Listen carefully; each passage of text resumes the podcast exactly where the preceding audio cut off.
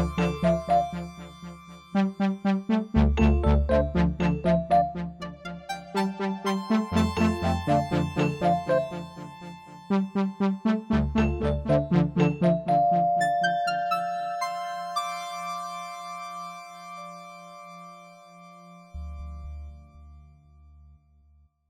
Welkom bij de aanbiedingspodcast van uitgeverij Pluim. Mijn naam is Chris Keijnen en ik spreek met schrijvers, een vertaler en pleitbezorgers van negen zeer behartenswaardige boeken die in het najaar van 2019 en het prille begin van 2020 verschijnen. Mijn derde gast is John Jansen van Galen. Journalist, sinds, sinds mensenheugenis kan ik wel zeggen, hè, John? Ja, Langzamerhand. Uh, ja 50 jaar. 50 jaar, ja. nou ja, dat is, dat is mensenheugenis hoor, inmiddels. Um, jij schreef Fiasco van Goede Bedoelingen en de ondertitel is Nederland en de Indonesische onafhankelijkheid. Over dat fiasco en die goede bedoelingen zometeen meer, maar de geschiedenis van de onafhankelijkheid van Indonesië, was die nog niet geschreven? Oh ja, daar zijn dikke pillen standaardwerken over. Maar dat was nou juist mijn inspiratie om ook eens op overzichtelijke schaal in een pagina of uh, 160, 180 uh, voor, voor een lekenpubliek. Want die andere boeken gaan allemaal heel erg in detail in op de, op de diplomatieke demarches en de strategische overwegingen. Om een soort overzicht te maken van hoe is dat nationalisme daarop, daar ontstaan in Indonesië. Hmm. Hoe heeft Nederland daarop gereageerd en hoe is dat uiteindelijk afgelopen? Ja, ja, je hebt die periode natuurlijk eerder uitgebreid bestudeerd. Je hebt er ook eerder uitgebreid over geschreven, over uh, de, de onafhankelijkheids... Uh, perikelen die Nederland gehad heeft met de voormalige koloniën.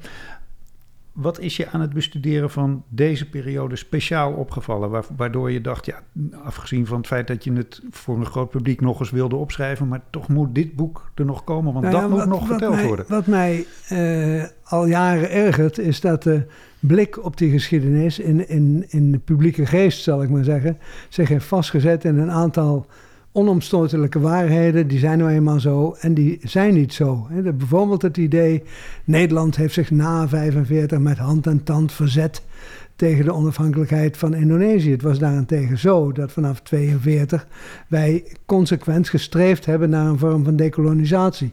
Dat de Indonesiërs niet eens waren met die vorm en dat wij die ook helemaal bedacht hadden voor hun, dat is een andere zaak. Maar we hebben ons niet verzet tegen dekolonisatie. En het tweede punt is, dan wordt er altijd gezegd, die soevereiniteitsoverdracht, dat was een enorm, e-, enorm debakelen voor Nederland. Nou, mhm.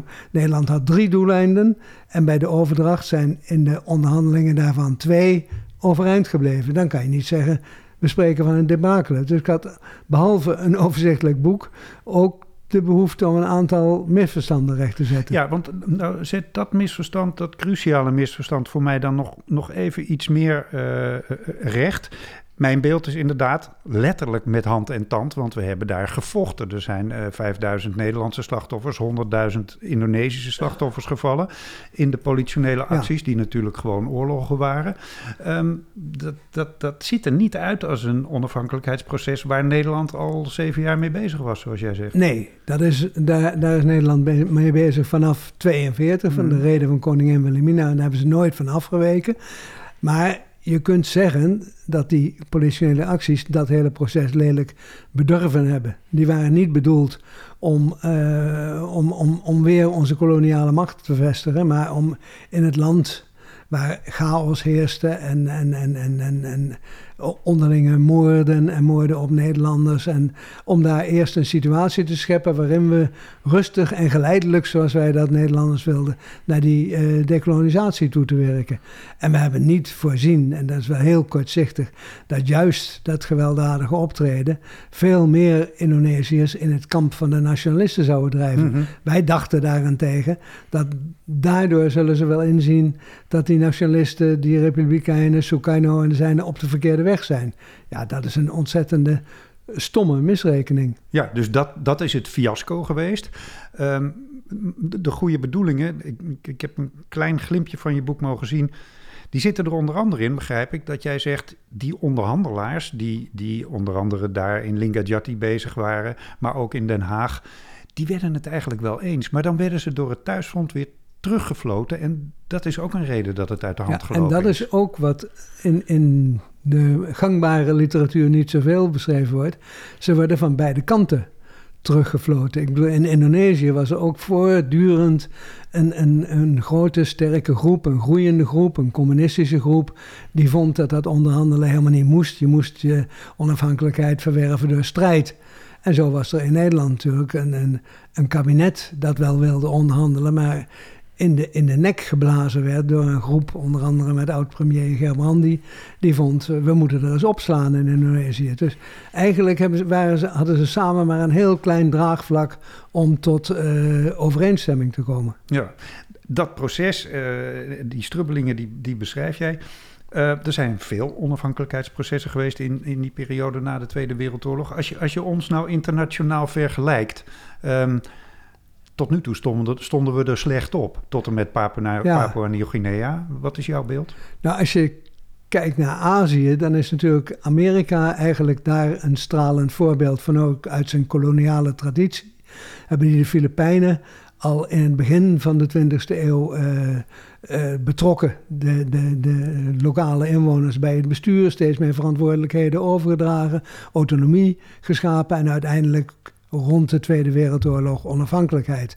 Aan de andere kant, de Engelsen kun je zeggen, die hebben Brits-Indië echt uh, van de ene dag op de andere ongeveer verlaten. En daar beriep de Nederlandse premier zich ook altijd op. Hè, want kijk eens wat er dan gebeurt. Kijk eens wat er dan gebeurt. Dat was eigenlijk echt ook veel erger dan uh, in Indonesië. Want daar zijn moslims en hindoes elkaar massaal naar de strot gevlogen. En zijn ze op de vlucht geslagen. Miljoen doden, enkele miljoenen vluchtelingen.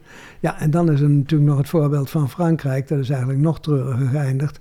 Die hebben de, de Vietnamoorlog zo lang voortgezet... dat die overgenomen moest worden door de Amerikanen. En dat is een enorm bloedbad geworden. Tot dus, en met Algerije. Tot en met Algerije. Ja. Dus... Um, Zo'n enorm fiasco was het nou ook weer niet. Nee, ik wil niet met Job de Jong, bekend historicus, zeggen... Nederland deed het zo gek nog niet in Indonesië. in, in bepaalde opzichten is dat zo, diplomatiek niet. Maar door die, door die militaire uitwassen toch uiteindelijk wel. Oké. Klinkt als een uh, buitengewoon boeiende nieuwe kijk toch op de geschiedenis van de Indonesische onafhankelijkheid. John Jansen van Gade schreef Fiasco van Goede Bedoelingen. En het verschijnt eind oktober. Dankjewel, John. Dankjewel.